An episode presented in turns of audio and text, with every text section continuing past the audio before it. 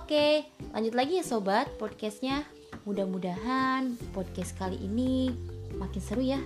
Hehe. Kita lanjut nih ke pertanyaan yang ketiga. Kak Elisa, apa aja sih perilaku produksi dalam Islam? Yuk kita simak bareng-bareng. Baik, perilaku produksi dalam perspektif Islam itu adalah ilmu yang mempelajari perilaku ekonomi manusia, di mana perilakunya itu diatur berdasarkan agama Islam. Nah, memproduksi suatu barang harus mempunyai hubungan dengan kebutuhan manusia. Berarti barang itu harus diproduksi untuk memenuhi kebutuhan manusia, bukan hanya untuk memproduksi barang yang mewah yang secara berlebih-lebihan dan tidak sesuai dengan kebutuhan manusia. Karenanya, tenaga kerja yang dikeluarkan untuk memproduksi barang tersebut dianggap tidak produktif.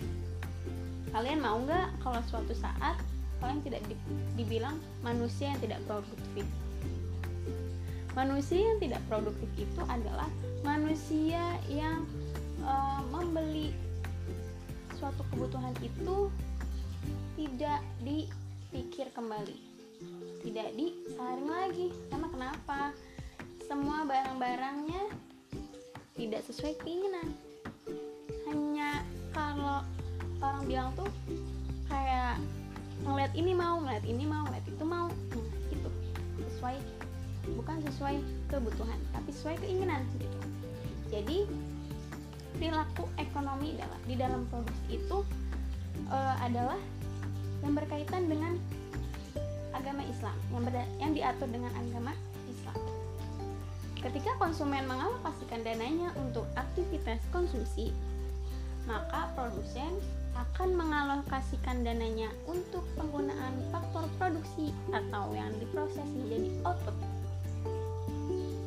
Itu adalah suatu pengolahan. Karena itu, bila keseimbangan konsumen terjadi pada saat seluruh anggaran habis untuk konsumen, maka keseimbangan produsen tercapai pada saat seluruh anggaran habis. Kemudian terpakai untuk membeli faktor produksi. Dan setiap produsen akan berupaya mencapai tingkat produksi yang optimum. Itu. Karena apa? Karena produksi menjadi salah satu aktivitas ekonomi yang sangat menunjang kegiatan konsumen jadi kalau tidak ada ada produksi, konsumen tidak akan mengkonsumsi itu. Kegiatan produksi merupakan mata rantai dari konsumsi dan distribusi. Kegiatan produksilah yang menghasilkan barang dan jasa.